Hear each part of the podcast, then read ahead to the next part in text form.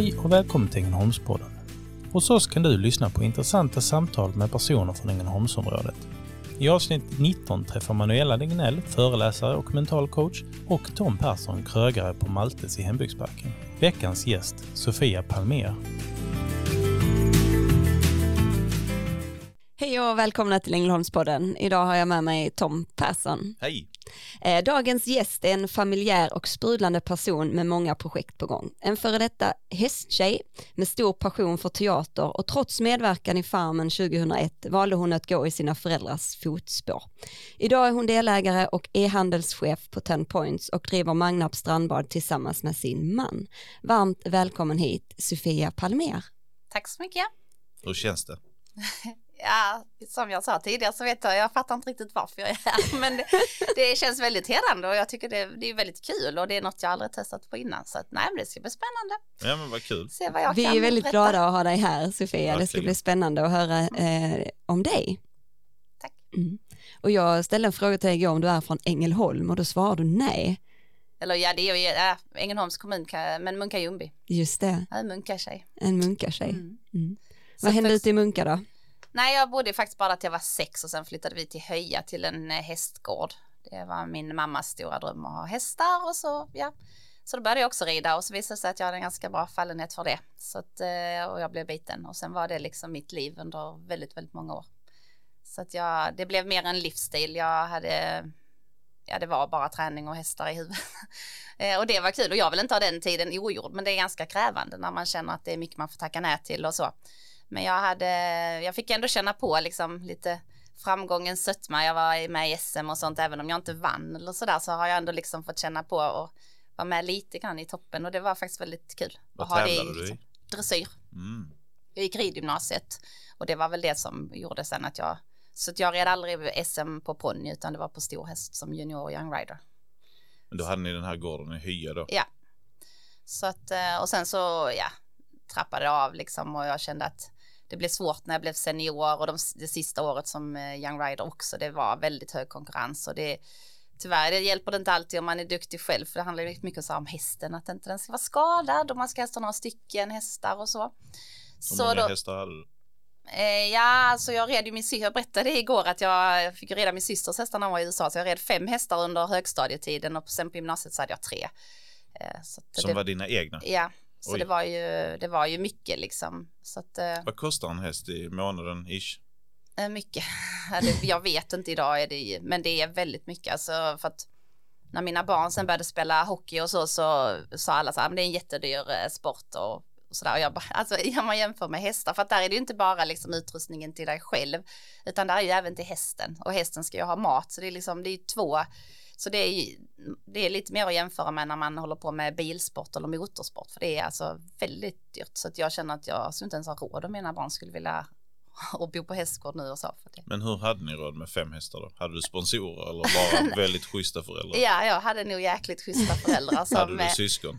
Ja, jag hade en syster också. Men jag hade med? väldigt stort stöd hemifrån. Men annars hade inte. Jag, sen på den tiden har man gård hemma och Mm. jag menar, jag hade aldrig de där extremt dyra hästarna för det hade inte vi råd med. Men utan det, man fick ju köpa lite yngre hästar och rida till och så ju. Men det är ju också det som gör att om man kommer högst, allra högst upp så är det många gånger att man ska ha det där rätta materialet och då är det pengar som man inte rör sig i liksom. Så, man, så det kan ju också sätta stopp många Man gånger. fastnar lite där då? Alltså att det räcker inte att du bara har talang utan Nej, nej, också så är det lite. Jag har pratat lite med mina barn om det. Många gånger när man ser typ på VM och OS sånt så sa de flesta av de hästarna där ägs ju inte av ryttarna utan ryttarna är sjukt duktiga men de kanske inte då har alltid av pengarna eller sponsorer då, utan då får de ha, ja eller ja det kan de ju ha sponsorer av dem idag men då är det ju inte de som äger hästen. Mm.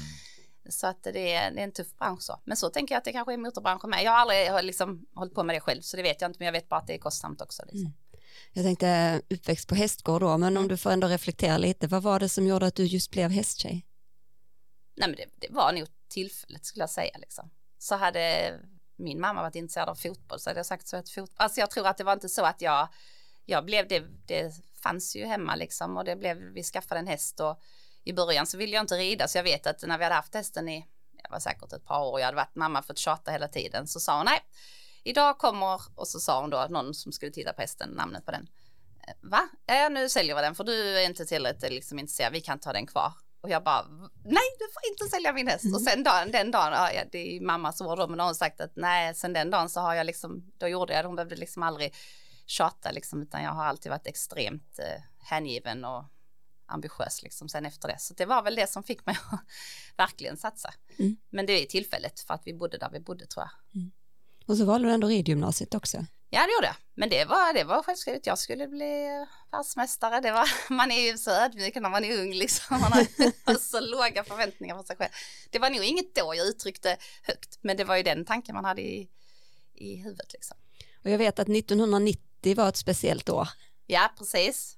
Det är lite inskriven i historieböckerna då. Det var, jag vet inte om man faktiskt om man gör det fortfarande, men på den tiden var det så att man, eh, det var en viss klass så mätte man den som hade mest, eh, ja både segrar men placeringar i den liksom klassen och det var ändå en, eh, inte den lägsta utan är så här medelklass liksom. Eh, och under 19, på 1990 då var det jag som var det. Så att, eh, och det är lite roligt. Alltså Mhm. just för man var, jag visste inte själv men jag fick hem något eh, meddelande och något brev om det och så. Så att, eh, det är lite kul. Det Det är häftigt. Ja. Ja men det är ändå så här, va? Får man några benefits av det eller? Nej. Det är bara äran Ja. tänker jag också. Men det var lite kul för att eh, alltså, ja, det var inget man hade tänkt på. Det var inte därför jag tävlade liksom för att jag skulle komma med i den liksom, historiken. Men, men det var. Så man kan alltså googla detta och hitta Alltså det på den någonstans. tiden så var ju allt liksom så här. På inte så. Papperslappar. Ja, precis. Papperslappar. Inte Ja. så mycket. Det var mycket manuellt. Eller så tänker jag, det var inte dat så. Jag tror inte det är inlagt i någon databas. Jag tror tyvärr inte det finns. Första gången Ni jag får träffade... tro mig på mitt ord. Ja, vi, vi, Vi litar tror på det. dig. Ja. Första gången jag träffade dig Sofia, det var ju på eh, 2003 på eh, Ängelholmsrevyn. Mm. Eh, och eh, jag kan säga nu i efterhand att jag hade ingen aning om att du var hästtjej, så det var lite spännande att få höra det, att du har en bakgrund just som hästtjej. Eh, men jag tänkte, när kom, när kom det här med teater och, och eh, stå på scen och de här bitarna, när, när föddes det Alltså- intresset? Jag har alltid varit en eh, teaterap, alltså så hemma liksom och klätt ut mig och liksom så här. Jag vet jag klädde alltid ut mig till han Lloyden i Gällivare i skinnjacka och så. Ja det är jag som är Lloyden från Gällivare och så gick jag där hemma och snackade så fort mamma de hade gäster och så. Det tyckte jag var jättekul och jag gick där och svor och hade mig för det. Han var ju ganska burdus då. Eh, Så att jag har liksom alltid haft den ådran tror jag. Så. Men sen så eh, kände jag nog mer att ja, hästarna eller ridningen började väl glida mig lite ur händerna. Jag tyckte inte jag var lika duktig längre och då tappade jag intresse och så. Så då bara fick jag för mig att jag skulle söka in till en teaterskola. Så då sökte jag till en teaterskola i Danmark.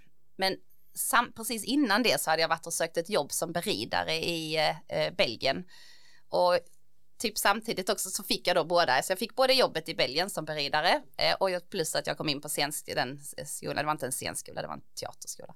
Eh, och då, liksom, då stod jag liksom i ett vägskäl, så nu måste jag välja. Och jag kände liksom att jag kommer aldrig bli, jag vill ju bli världsmästare, det kände jag, det kommer jag aldrig kunna bli i ridning, så det fanns ingen anledning att lägga mer krut på det. Jag är tävlingsmänniska och kan jag inte vinna så tycker jag inte det är kul liksom. Så då blev det så här bara, nej, nu kör vi nästa spår. Så då liksom då, och sen körde jag det ganska helhjärtat. Jag hade hästarna kvar ett tag där, men sen blev det det liksom som var mitt allt. Va, vad är en beridare? Ja, det är en som rider till hästar och så. Så att eh, då hjälper man. Eh, då är det ju så, man kan säga, vi pratade om sponsorer innan, någon som har mycket pengar men som kanske inte rider själv och som älskar hästar, har väldigt många hästar och behöver bra ryttare. eh, han jobbade tillsammans med Anki van Grynsven på den tiden, så hon var ju liksom inte beridare, men hon var hans tävlingsryttare. Så då Mm. behövde han några under henne då som kunde rida hästarna. Okej. Och då blev jag liksom, var jag där och fick testa och så fick jag jobbet och det var ju en fjäder i hatten. Men jag tackade nej då och valde en annan bana. Eh, och jag kan ju inte säga att jag ångrar mig för då hade jag inte haft min man idag och mina tre barn. Så att liksom någonstans så, eh, ibland tänker man så undrar vad som hade hänt. Hade jag liksom fortfarande hållit på med hästar eller vad hade man kan ju inte låta bli att tänka men jag skulle liksom nej jag vill ju inte ha det ogjort det som jag har gjort efter liksom. Hur var året i Köpenhamn då? Ja, det var, ja, det var verkligen, det var speciellt. Alltså det är, alltså det, det, det, ska man säga, det, det sannade väl alla liksom, eller så här, eh, jag fick liksom bevis på att eh, det är väldigt flummigt med teater, för det var verkligen så, man skulle döpa som skådespelare, det var verkligen så här, så att det var, men det var, det var väldigt intressant och väldigt krävande och de hade extrema, det var liksom extrema förhållanden så liksom, de var väldigt hårda och så, men det var, de hade ju lärare från både USA och från Spanien och, eh, eller Argentina var han ju för tangoläraren, för vi hade tango på, Mm på schemat där så vi dansade tango. Så jag var, blev ganska duktig på tango. För det Mhm. dansade vi tror jag tre, fyra timmar i veckan i alla fall minst. Hade du dansat det innan? Nej, Vad fräckt. så det var himla kul och det blev ju då, ah, han kom ju från, jag, måste, jag tror han kom från Argentina, för det var argentinsk tango vi dansade i alla fall, så att eh, den läraren, så det var skitkul. Vad hette han? Det kommer jag inte ihåg. Det var ju synd vi inte visste det i revyn, då hade vi ju kört ett tangonummer där ju. Jo, men det tror jag jag berättade där någon gång, men det var nog kanske inte. Jo, men jag var faktiskt riktigt duktig. Så sen eh, när jag träffade min man så sa jag, ska vi inte gå på tango? Så då började vi gå på tango, men det var inte så kul, så jag dansade med ledaren istället för att Magnus var inte så. så det blev världens fiasko. Magnus bara, vi skulle vilja göra detta ihop. Jag bara, ja. Nej, så det blev ingen hit. Men du sa det, om du inte hade åkt till Köpenhamn och gått teaterskolan, om du träffat din man, var, var träffades ni?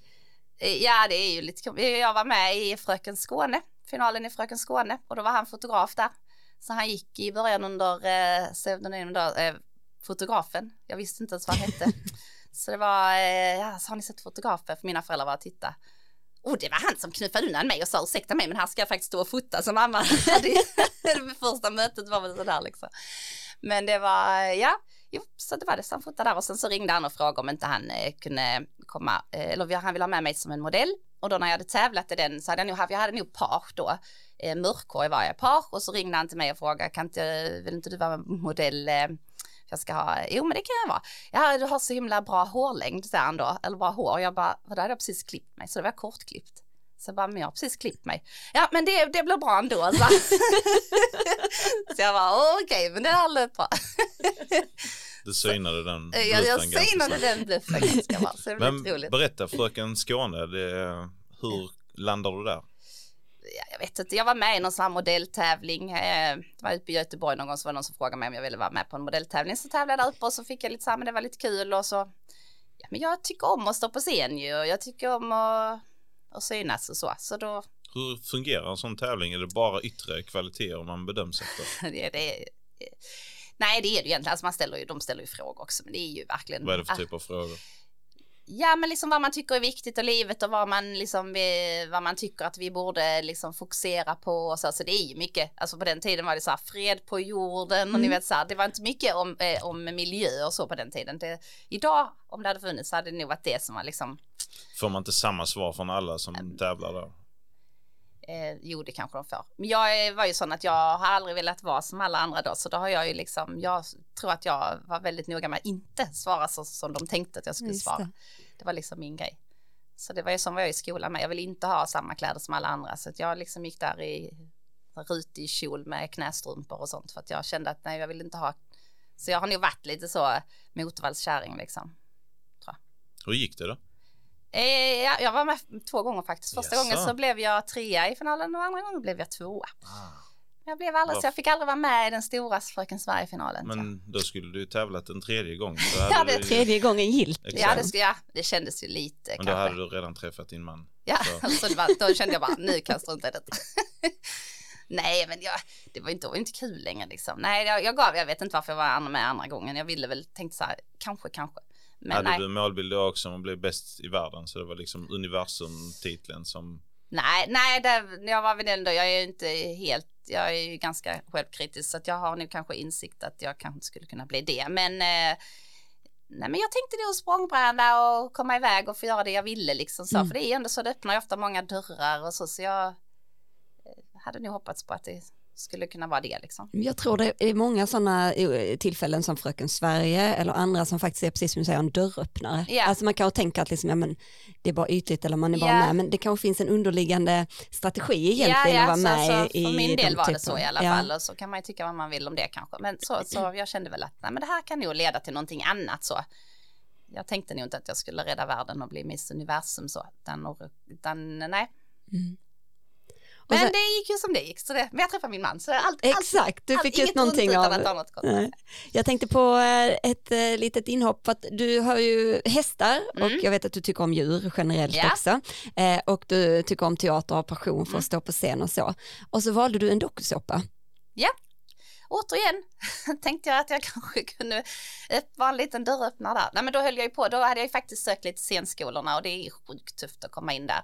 Så all cred till alla de som gör det. Eh, men eh, då tänkte jag att om jag kanske är med, för det var ju många gånger så på den tiden i alla fall, nu vet jag inte hur det är idag, men då var det ju ändå då att de som var med där, de har ju oftast liksom haft en karriär efteråt i det som är deras intresse. Allt från matlagning till... eh, Står i baren. om man nu gör det som oss.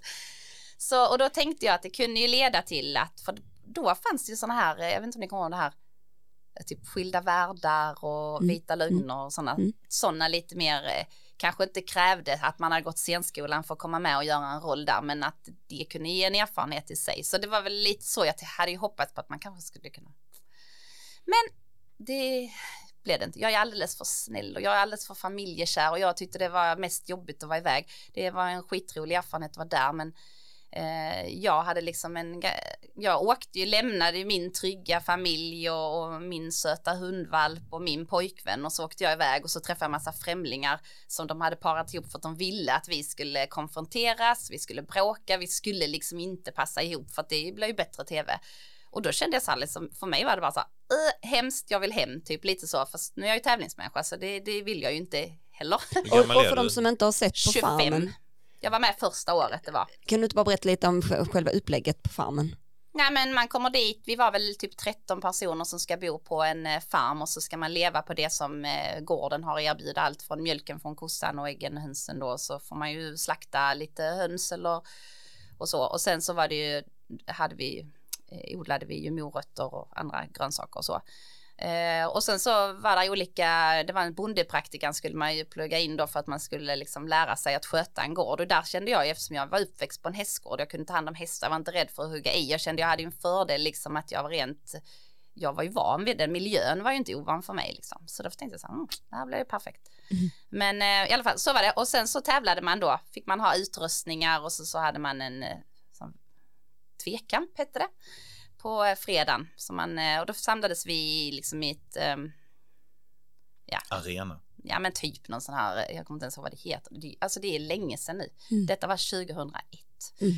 Ja, så att eh, jag kommer inte riktigt ihåg. Men då samlades vi där på, på eh, eftermiddagen och sen hade vi en tävling och så blev det en tvekamp mellan två personer och den som förlorade fick åka hem och den som åkte hem fick välja den nya storbonden som skulle vara nästa vecka. Och det var den storbonden som alltid utsåg vem som skulle åka hem. Så det blev liksom så här att man kunde alltid påverka den som åkte hem kunde alltid påverka lite. Lite smart koncept. Mm. Så det var ju lite intressant så. Hur eh, är det så på riktigt då när kamerorna stängs av att Nej. nej, men, eh, nu beställer vi Big Mac och Nej, och nej, nej, nej, nej, gud. nej, och de hade ju missat, alltså eh, vi, man fick inte dricka för kossorna var sjuka så de åt penicillin så vi kunde inte dricka mjölken. Hönsen la inga ägg, eller vi hittade inte äggen i alla fall, de måste vi ha lagt dem någon annanstans.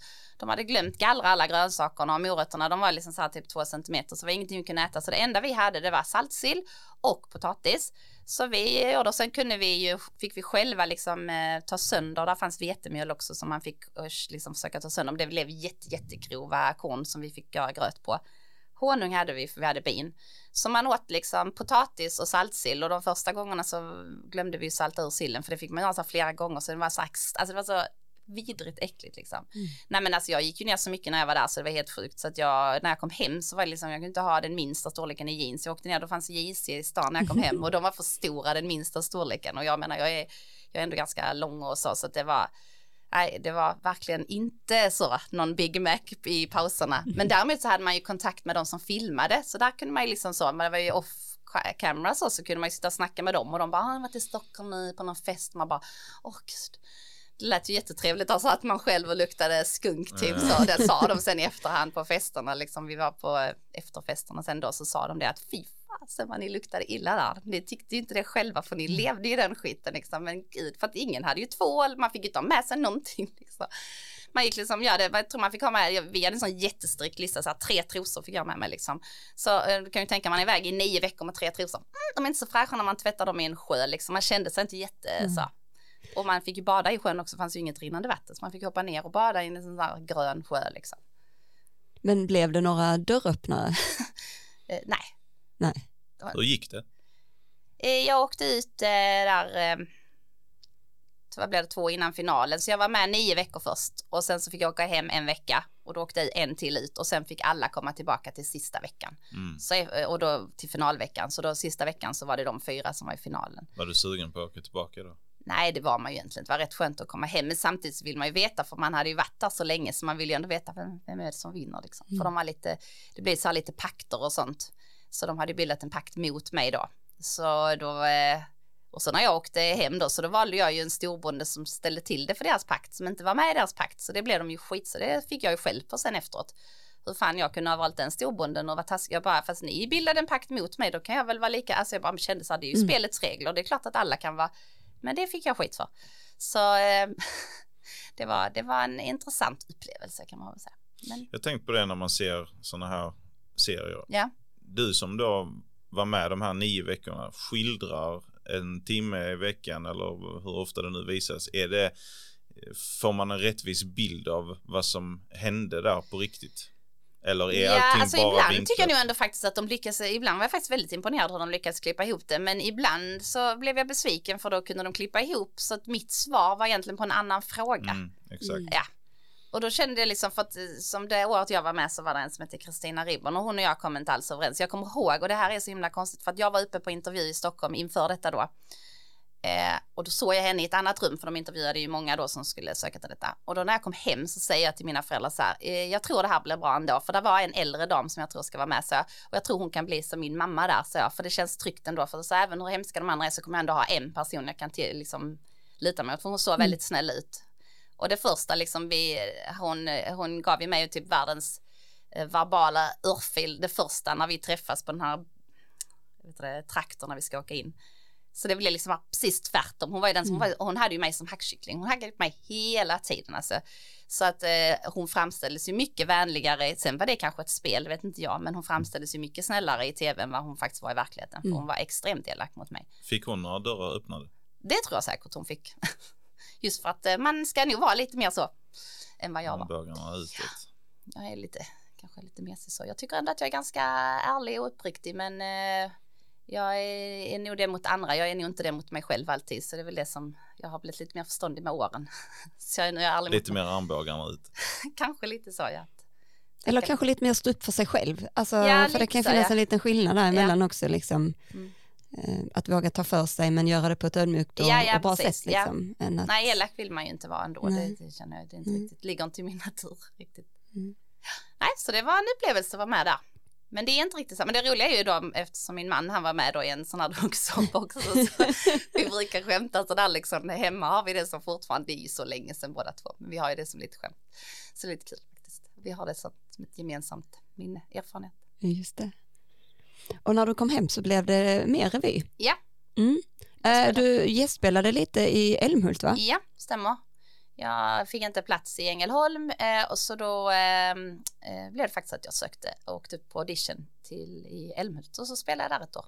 Så det blev lite pendling där. Det är lite jobbigt, tråkig vintertid att- att pendla så. Men det var en rolig erfarenhet och de är väldigt duktiga där uppe så att det, Mm. det var faktiskt eh, kul. Men det är ju ändå, alltså man får inte riktigt samma liksom, respons. Här blir det så att så fort man spelar revy så möter man folk på stan och bara jag såg det och gud vad roligt. Så det blir ju inte för jag åkte ju hem så fort jag så jag, fick liksom aldrig någon, det är ju just på sån här lokal lite buskisrevy hemma hos liksom så här eller liksom i sin egna lilla stad. Det blev väldigt personligt och väldigt charmigt så att det försvann ju där uppe. Men det var en rolig erfarenhet att vara med på. Jag tänkte på eh, sommarluftsspelet. Mm. Har du varit med i Ja. det också? Ja. Eh, Nej men det var ju mitt liv liksom. Jag tyckte det var jättekul och eh, jag hade ju hoppats på att jag kunde liksom kommit ännu mer och gjort ännu mer saker men eh, eh, nej det, jag tyckte det var så fantastiskt kul så det gjorde inte mig någonting att det var liksom varenda helg på hösten och vintern och att det sen var hela sommaren liksom så. Så det var ju när jag blev gravid sen med vårt första barn som då helt plötsligt kände man att nej nu var det någon annan som behövde ens uppmärksamhet på kvällar och helger så att det var liksom inte samma men innan dess, det var, ja, jag har haft sjukt kul. Jag, det var ju så vi träffades, vi hade ju väldigt roligt. Vi hade liksom. väldigt, väldigt Ja, roligt. det är, det är en väldigt speciell liksom, jargong och miljö och det blir som en liten extra familj liksom när man är med, med i sådana gäng faktiskt. Och, och just det här att man, man repar så mycket tillsammans. Ja. Man tänker kanske inte på det när man går och kollar på en föreställning men det ligger extremt mycket Ja, jobb bakom och mycket Ja. tid och mycket timmar. Och Ja, Det gör ju också att man blir väldigt sammansvetsade Ja, för att man ja. liksom man, man, man, ja men man bjuder ju så mycket på sig själv och Ja. liksom lite klär av sig för varandra liksom, ja, ja, och, och vågar prova saker. Då behöver man ju tillit och känna liksom att här kan jag få Ja. lov att bara prova de här eh, galna Ja. tankarna och idéerna som jag har. Så det är så himla häftigt. Ja, det är därför det blir lite som familj, för man måste verkligen öppna sig, det kan inte vara något filter. Liksom. Och lita på varandra Ja. liksom, och ta hand om varandra också. För att Ja. ibland kommer man ju helt snett på det och då är det rätt skönt att någon annan känner att det Ja. där blev nog lite fel men här, här är det okej liksom. Ja. Så det är härligt. Det låter som motsatsen till farmen. Där det inte finns pakter och det Ja, är ingen som ger en verbala örfilar. Och... Nej, nej, men faktiskt. Och vi hade ju det till och med det i revyn och det tycker jag de faktiskt ska ha låg för. Det var så här att, att de var väldigt noga med att alla delar var lika viktiga. För många gånger Mm. så kunde ju typ om man var scenarbetare så nej men jag har ju ingenting. Ja men alltså om inte du finns så funkar liksom inte hela. Alltså vi var alla lika ljudteknikern och liksom de som höll på med rekvisitan och sömmerskan och alla så. Så att vi alla var liksom lika betydelsefulla och det tycker jag det är, det är likadant på en arbetsplats. Alltså det är ju så, ja. Mm. Så det tycker jag är, och sen vet, nu vet inte jag det idag, men jag tänker att det är väldigt viktigt att man faktiskt inte glömmer bort någon för att många gånger så är det ju för att hela det här hjulet ska snurra så krävs Ja. ju alla liksom Alla medlemmar, Alla liksom. lika ja. viktiga. Mm. Och jag tror det är extra viktigt ibland i just sån här när man har vissa som står på scen. Ja. Att det liksom blir mycket fokus på dem Mhm. som står på scen såklart men att man då uppmärksammar alla andra också. Ja. Men eh, jag var bara så nyfiken Sofia, om du hade fått liksom välja för, för teaterskola, lite tv, vill, vill öppna dörrar. Ja. ehm, vad var det egentligen din dröm då? Vad var det du skulle vilja Ja, göra jag med ville den här nog bli passionen? Mm. skådespelerska på heltid liksom och göra film. Jag har gjort en reklamfilm och då fick jag skratta som en häst och det var det, Jag visste i sig för jag hade praktiserat hur hästar låter väldigt mycket under min ungdom. Men Kan vi då- få höra hur en häst eh, skrattar? Jag har aldrig hört en häst skratta. nu ska vi se här. Det, nu är det ju några år sedan jag gjorde detta men typ Mm. så låter det. Wow. Men i vilket fall som helst så var jag på en audition för det för då skulle de ha en reklamfilm för det var Oatly havreprodukterna de precis var helt nya.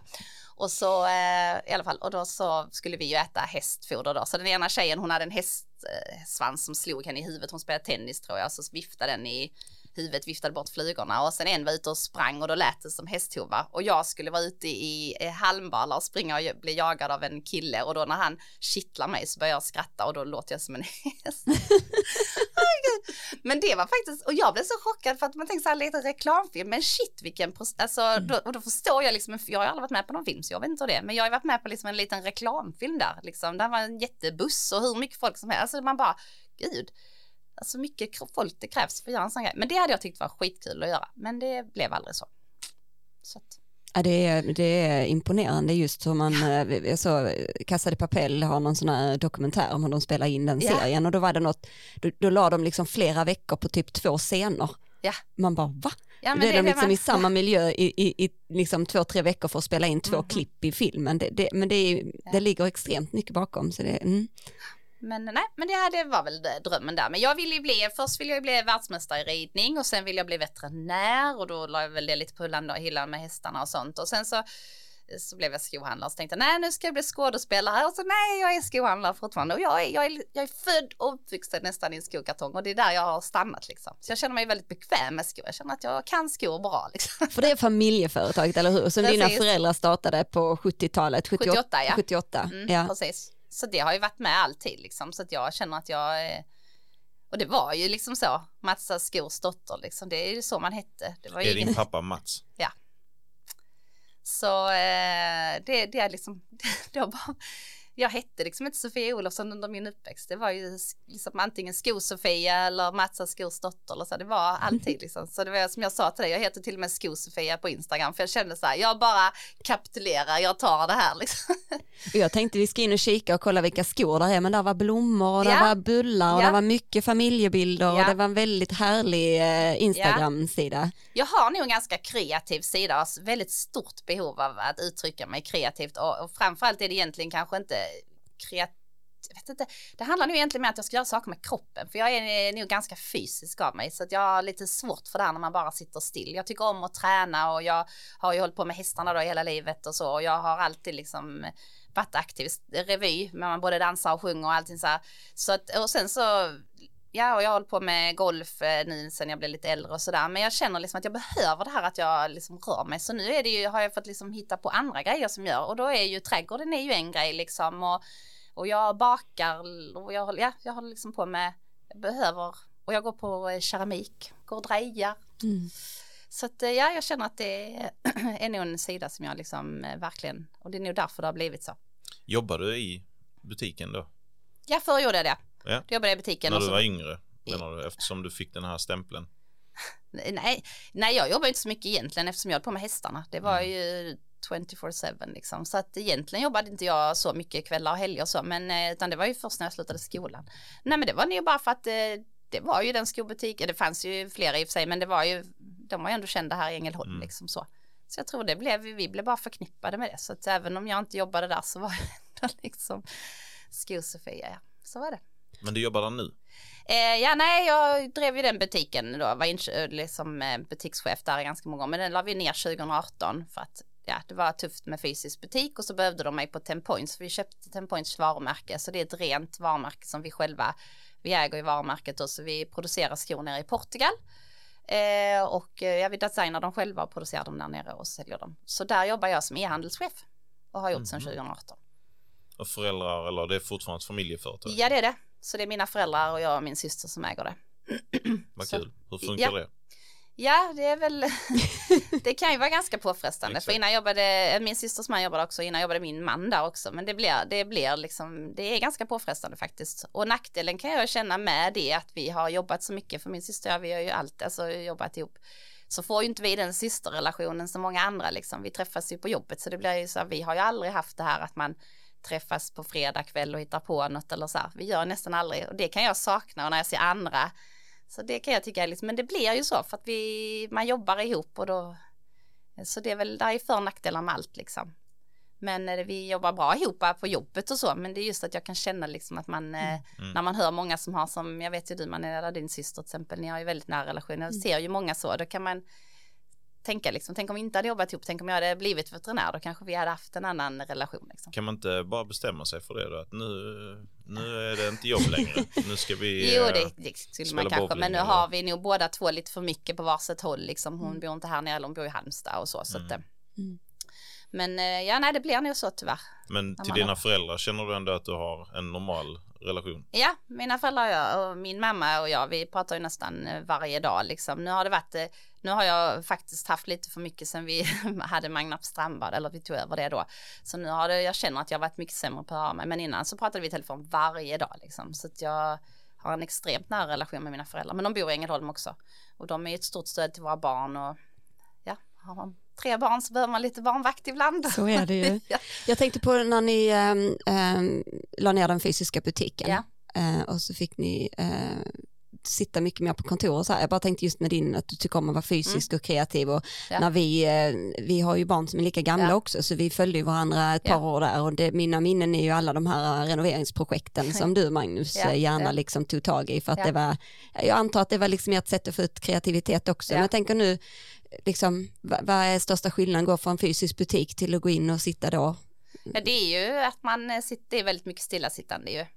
Så att jag, och därför känner jag nog liksom att jag behöver utlopp för det jag är i andra kanaler liksom. Så att förutom träningen så, så håller jag ju på då, det är min trädgård och mina blommor och jag går på min keramik och så att jag har liksom sen, och sen i Magnus strandbad då så har vi ju öppnade vi ett café i somras också som är öppet nu på helgerna så då bakar jag ju där. Så att jag känner att jag får utlopp för den delen som jag kanske känner att jag inte eh, får när jag sitter framför en dator liksom så.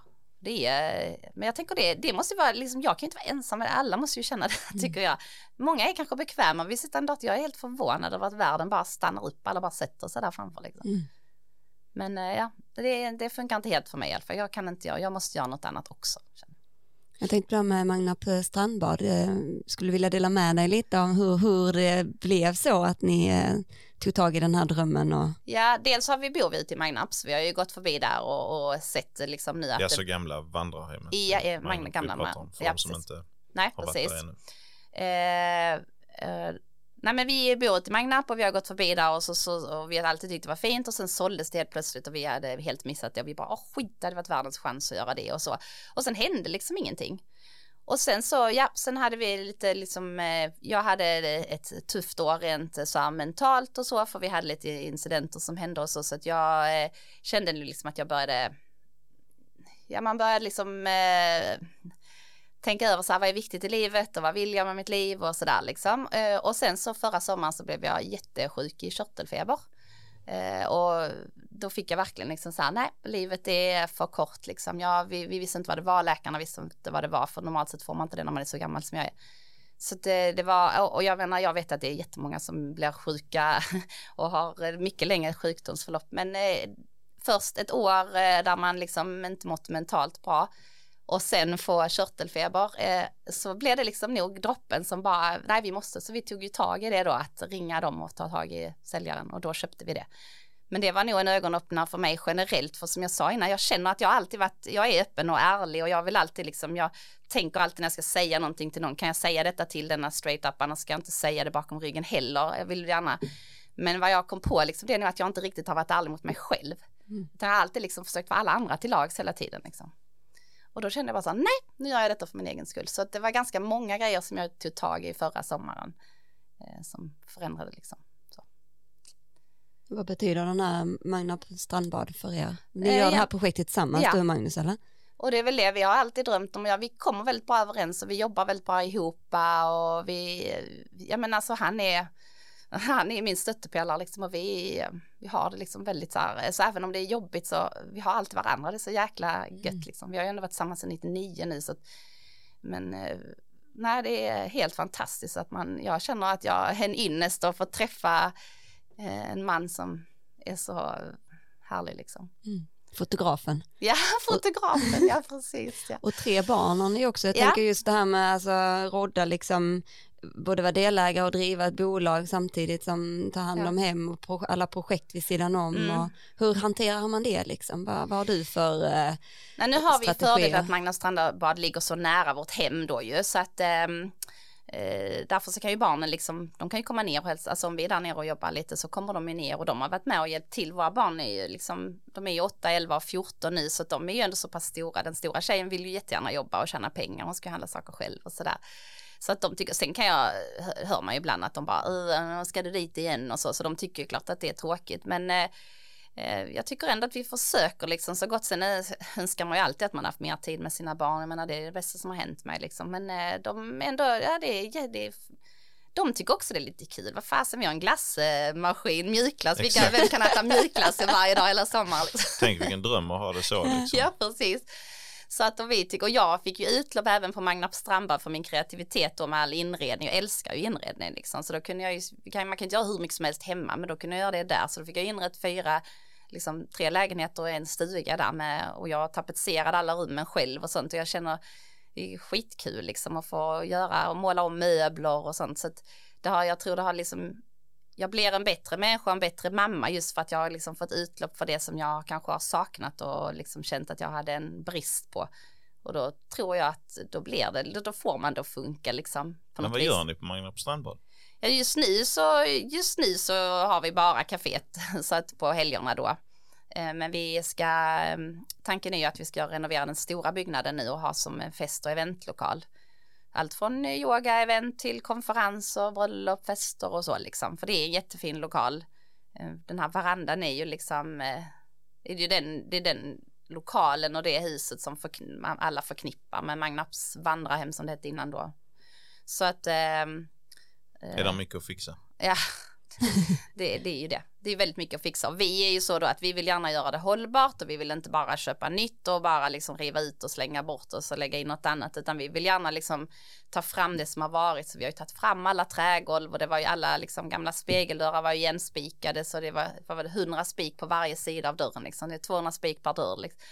Helt galet bara för att få fram och jag menar så att men det jag tycker ändå att det ger känslan, det är ju det som gör att det känns liksom unikt för att det är det här man tar fram. Det var inte bättre för alltid, men just när det gäller huset så, så är vi väldigt, mm. liksom så här, vi älskar det gamla liksom och charmiga som det för med sig liksom så. Så, att, ehm, så det, nej, det är ett väldigt kul projekt ju. Så men just man kan nu kan man, över där också. Ja, förlåt, ja. Nu kan man, det är uthyrning av eh, semesterboende har vi haft då. Så kan man hyra lägenheter eller det här huset och det huset som är där nu som eh, stugan, där kan man bo eh, nio personer sover över, men man kan ju vara fler om man är där en konferens över en dag liksom så. Så det är ett stort matbord i mitten, så då kan man sitta där och brainstorma med sitt företag eller eh, så en dag, eller så kan man ju åka dit några tjejkompisar en helg och bara liksom äta gott och så, för det är ett stort kök och så, så man kan laga mat och så gå ut och gå. Och... Kan killkompisar också åka dit? Ja, jag... Nej, det känner jag, det kan vara Nej, lite känsligt. Där gick gränsen. Nej, det var mest jag tänkte att det blir så stökigt då. Nej. så därför föreslog jag inte det, men det, det går absolut. Nej, då. nej, nej, men så att det är det vi håller på med. Så den stora grejen är nu, det är uthyrning av de lokalerna och sen är det vårt café liksom. Men sen är det festlokalen som är nästa projekt. Liksom. Tänker det måste gått jättebra i sommar va? Med Ja, som... det gick ju jättebra i somras. Ja, kul. Sen är det lite tuffare nu på hösten och så ju. Så att eh, vi har inte, det är inte så många som, vi är nog väldigt så här, vi har, man har semester på sommaren i Sverige. Det är inte, Mm. Så att det blir liksom ganska dött för vår del. Så att eh, man skulle nog, vi, eller vi behöver ju komma ut lite till Tyskland och Holland och Belgien och så. För de, och, de, och Lite danskarna, senare. de reser nog lite senare ja. Så att, eh, men det får vi ju- det är ju inte så lätt. Vi kommer ju, vågade inte gå ut med bokningarna för tidigt eftersom vi inte visste, blir vi färdiga? Vad hinner vi med liksom? Även om man hade det förutsatt sig det så vet man inte, vi inte, det hänger ju inte bara på oss utan det är ju rätt så många andra som ska göra sitt jobb också. Mm. Så att, eh, men nu blev det klart och så. Så att då när vi gick ut med det så var det nog ändå lite sent för, för, för många. Men vi håller på, vi har lite grann projekt vi har, som händer här i höst och så också. Ja, vad kul. Spännande och Mm. kanske ett bra komplement då till, eh, till ditt andra jobb. Ja liksom. men precis, kunna... det är ju mitt huvudjobb, Ten Points är mitt det jag jobbar, så detta gör vi ju egentligen liksom utöver så att säga. Mm. Men Men vi hoppar förbi det lite snabbt kanske. Vad gör, hur ser din dag ut där förutom att du sitter framför en dator? Vad gör, vad är, vad är dina arbetssysslor som ansvarig för på Ten er Points. e-handel? Ja, Eh, ja men det är ju, dels jobbar jag ju med kundservicen så det är ju rätt så mycket kundservice klart och ta hand om kunderna och det är ju mejlledes eller telefon men i princip mejlledes. Eh, och sen är, jobbar jag ju med sidan att, ut, att vi ska utveckla den, förbättra innehållet på sidan och att den ska vara mer användarvänlig. Jobbar jag med bilderna hur vi kan liksom eh, den ska bli mer informativ och att man ska kunna ge mer, ja, alltså förtydliga allting ifrån skovård till hur man de mäter sina fötter och så det är mycket förbättring av sidan. det är också lite kreativt eh, tänk som behövs. Ja det är det också, så det är mycket, ja, min hjärna den saknar inte kreativitet för den har mycket och så, Ja. Mm. utan det är nog mer att jag känner att det, så därför så sa jag det innan att det är nog inte bara kreativiteten i sig, jag tror det är det, fysiska, att jag behöver röra min kropp, eller som den behöver vara mer aktiv liksom. Så, ehm, nej och sen så är det ju ehm, eh, allt, jag gör orderläggningar och det är kompletteringar eh, med liksom vi fyller på skor och, och så. Eh, och sen är det Instagram och de sociala medierna har jag hand om också. Eh, och sen så jobbar vi med mycket, är det ju med bild, alltså gentemot så här typ eh, den här när man jobbar med livebilder, alltså när kunderna liksom själva lägger ut sina bilder, om du har köpt ett par skor så här, och så, så liksom de bilderna vill vi ju kunna ta tillvara på. Det är ganska, om man inte, ja det finns ju de som jobbar bara med det och de är jätteduktiga på det, men för mig blir det, för jag har så många olika bitar så ja, det, är, det är en rätt så tung bit för mig och liksom den tycker jag är lite svår det här med att vi ska, för det är ganska viktigt att vi får upp, så det är också något vi håller på med nu, försöka få in det, så att man som kund när man är inne kan se vad andra har Ja, men hon hade ju den på sig och då hade hon en sån kappa på sig. Det var ju snyggt till de skorna. Alltså, och det, många gånger så ökar ju trovärdigheten också. Man ser det faktiskt på en faktisk kund om vi har gjort en photoshoot med liksom skor. Så man vill ju hellre se dem som verkligen använder produkten och vad de säger om den. Liksom. Så att jag sitter, men det är mycket liksom innehållet på sidan liksom. Och kampanjer och eh, ja, jag kan inte ens komma på att jag tycker det, ja, det, det är många bitar men det är faktiskt det, det är ju kul så för att det är väldigt varierande. Men det är ändå ett heltidsjobb. Som Ja gud ja, sen kombinerar med ja allt det är annat. mer än ett heltidsjobb faktiskt. Så att, Ja. eh, vi, vi jobbar ju en hel del för eh, Magnus hjälper mig en del med fotografi och så ju. Så eh, och ja, eh, med sidan där så att han, eh, så det är mycket och då det är det ju på kvällar så det är ju kvällar och helger vi fotar då. Har Magnus också ett heltidsjobb? Ja, Mm. Så det är begränsat med tid att hålla på med massvis med andra saker. ja det blev så, så vi är inte jättesociala just nu. Så det är tur att man tycker om sina barn och sin Så att man. man tycker om varandra. ja, man kan umgås med det är vi som sitter hemma och dricker vin på fredag liksom. Men jag tänker så här, ja men det är inte för alltid det kommer vara så här kämpigt. Det kommer säkert liksom, jag menar det rullar det på lite bättre där så kanske man kan anställa någon och jag menar det är så allting kan ju hända liksom. Så att jag tänker, nej men jag är nog ändå försöker vara optimistisk liksom så. Men det är klart, det är, nu är det jäkligt mycket. så nu känner man ibland så här att man får nästan ha tandpetare till ögonen. Liksom. Och ändå hade du tid att komma hit till Ängelholmspodden och dela med dig. Det tyckte jag var väldigt, väldigt fint. Det gör jag så gärna så. Men om du tittar då framåt i tiden, tre, fem Ja. år. Hur ser det ut då? Vad är drömmen? Eh, Ja, vad är drömmen? Är det skådespelare igen kanske? Eller? Nej, Nej. det har jag lagt på hyllan.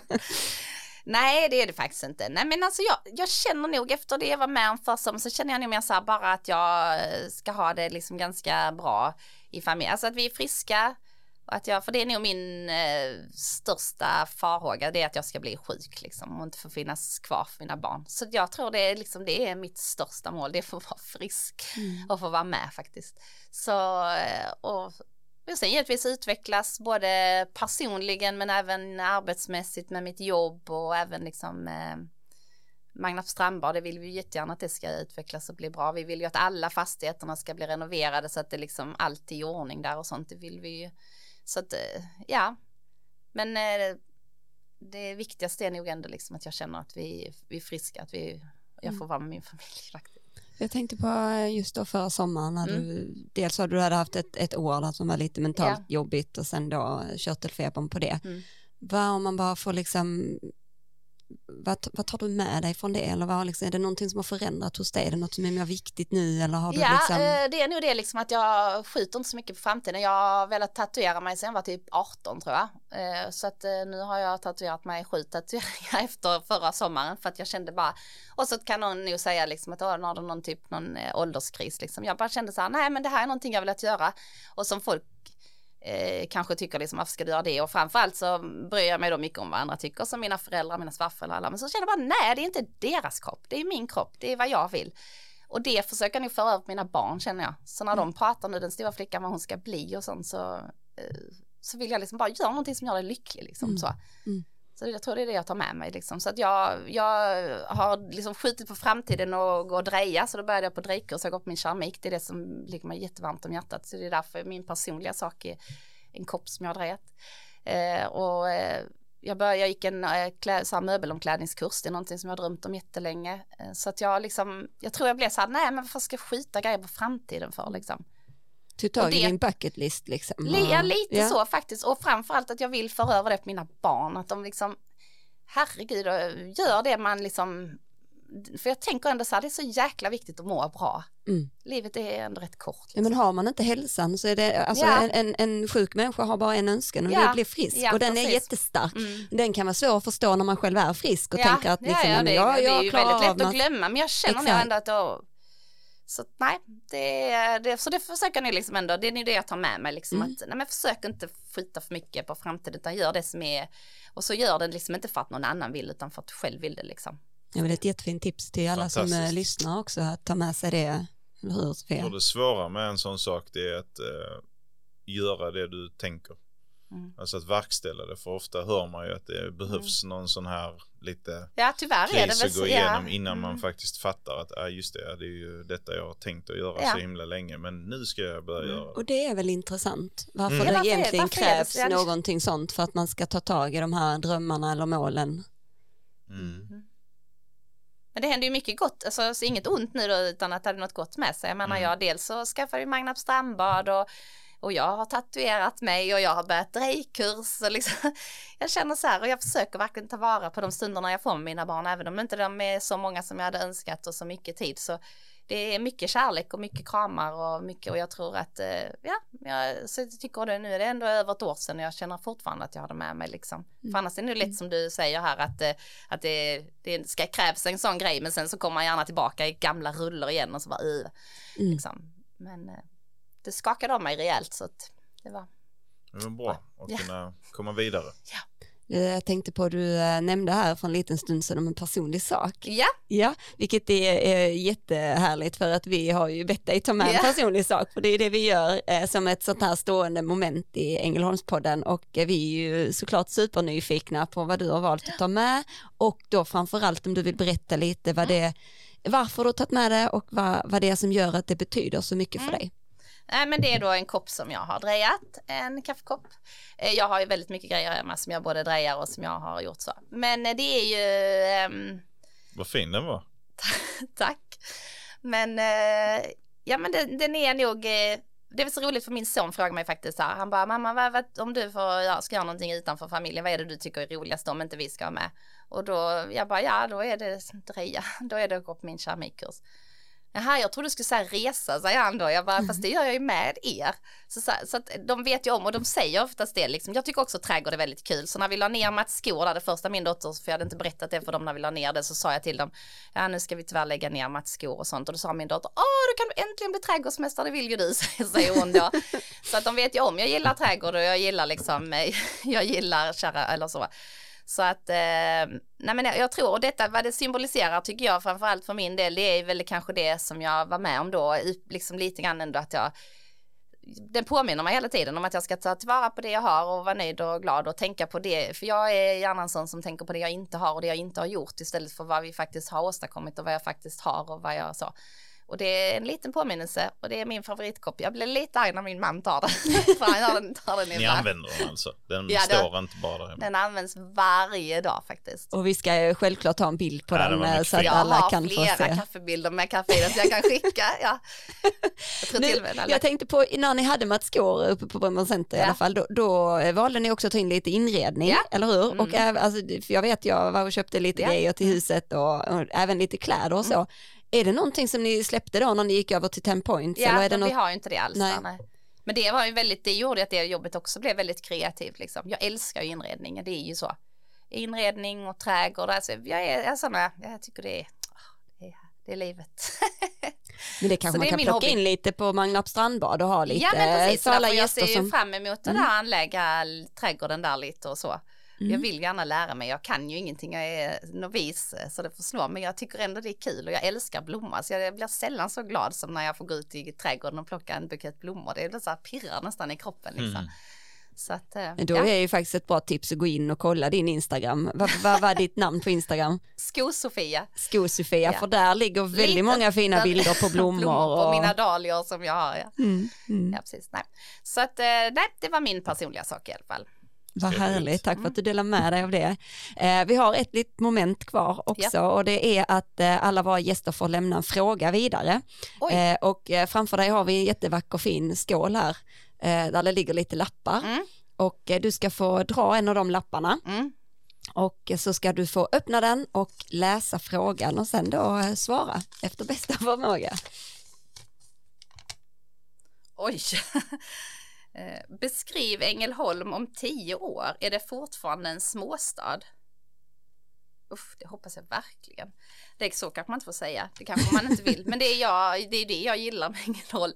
Närheten till allt och så. så det, eh, ja, men det tänker jag. Jag vet inte. Det är klart att det har vuxit, men jag tror fortfarande, för det kommer ju alla andra städer också göra, så i förhållande till alla andra städer så tror jag inte vi är större, utan jag tänker att vi fortfarande kommer vara en småstad, faktiskt och det älskar jag med Ängelholm så det hoppas jag också. Kommunen har ju släppt en ny vision för Ängelholm, ja, har ni okay. hunnit ta del av den? Nej, jag är inte så politiskt engagerad. Den är jag... i alla fall, Ängelholm gör eh, det omöjliga möjligt. Ja, det gör de säkert. Eh, vad, vad, tänker vi om den? Tom, vad har du för tankar om det? Äh, säkert ganska många, men jag får dela dem med rätt personer känner jag. Vad säger du Sofia?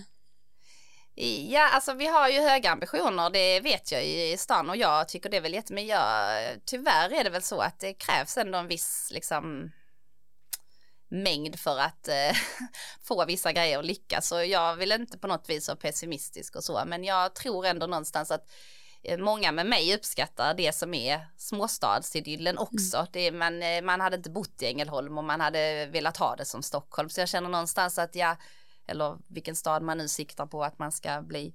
Men jag känner liksom någonstans att det är väl det som är fördelarna så att eh, ja, jag, jag är nog inte rätt person. Jag är inte den som kanske gör mest reklam för jag tycker också det är trevligt mm. att vi får bättre och större utbud och att servicen blir högre och allting. Jag säger ingenting om det, men men det är ju någonstans det här liksom personliga, det familjära, det är ju det man uppskattar med en mm. småstad.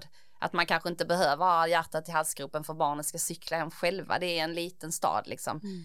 Och det känner jag, det är ju, det är ju mycket det som gör att man faktiskt trivs här. Så att, eh, jag tänkte ni valde att flytta ut till Magnarp. Det är mm. också väldigt vackert med ja. havet vi har och möjligheterna ja. som det också ger. Ja. ja. men vi gillar det ju. Jag blir lugn av havet. Jag, är inte, jag är, badar inte så mycket, men jag gillar att se havet. Tycker det är fantastiskt rogivande. Så jag älskar att bo så nära havet. Eh, och där ute händer det också ganska mycket där det växer och liksom så. Ibland kan man känna så här, nej det blir så mycket folk. Men det är ju alltid det när det växer, det är ju fördel också för det är klart att utbudet blir större och ICA-affären kanske har ännu bättre öppettider och det finns kanske, det kommer någon mer restaurang och allting. Så det är ju inte bara negativt när det blir större, det är inte så jag menar liksom. Men det finns ändå en, en charm i det, jag tror det är väl det de flesta av oss som bor här uppskattar, tänker jag. Så att man ändå kan försöka hålla det liksom det där. Så att eh, om tio år, ja, jag tror nog att vi är ungefär lite större kanske, inte mycket. inte mycket. Nej.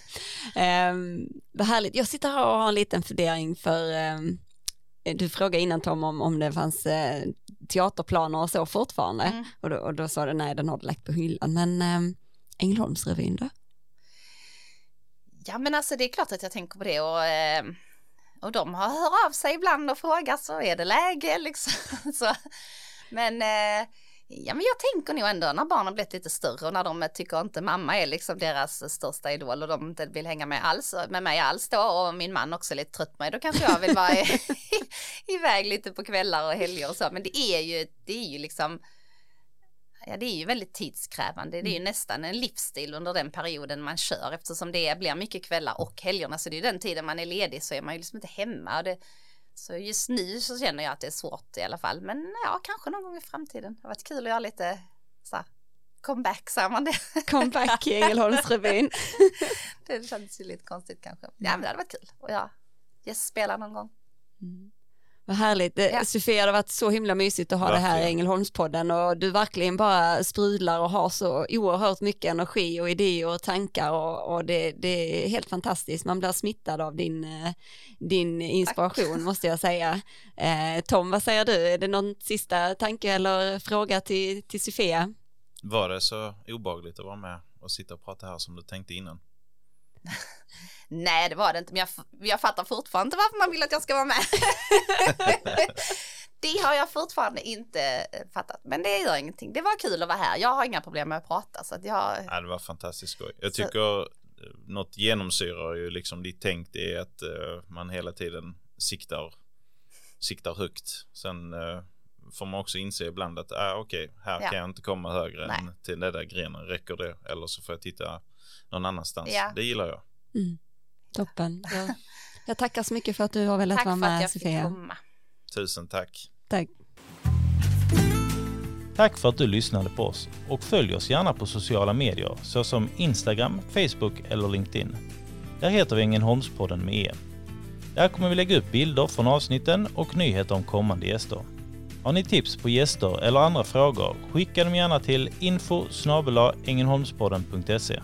vi skulle vilja skicka ett stort tack till Fredrik Larsson som lånar ut sin låt Världen är din till oss. Låten finns att lyssna på på Spotify. Och till Pierre Boman som har gjort vår logga. Eftermiddagen är så lång Kapet är nästan tom Och jag är lugnet själv Där jag sitter vid ett bord En hätsk debatt, ett utländskt par Jag sitter mitt emot jag hör tidningsbladen vänds sakta bakom min bil. Det skulle alltid vara vi. Tills vi blev dem. Nu är hela världen min, lika mycket som din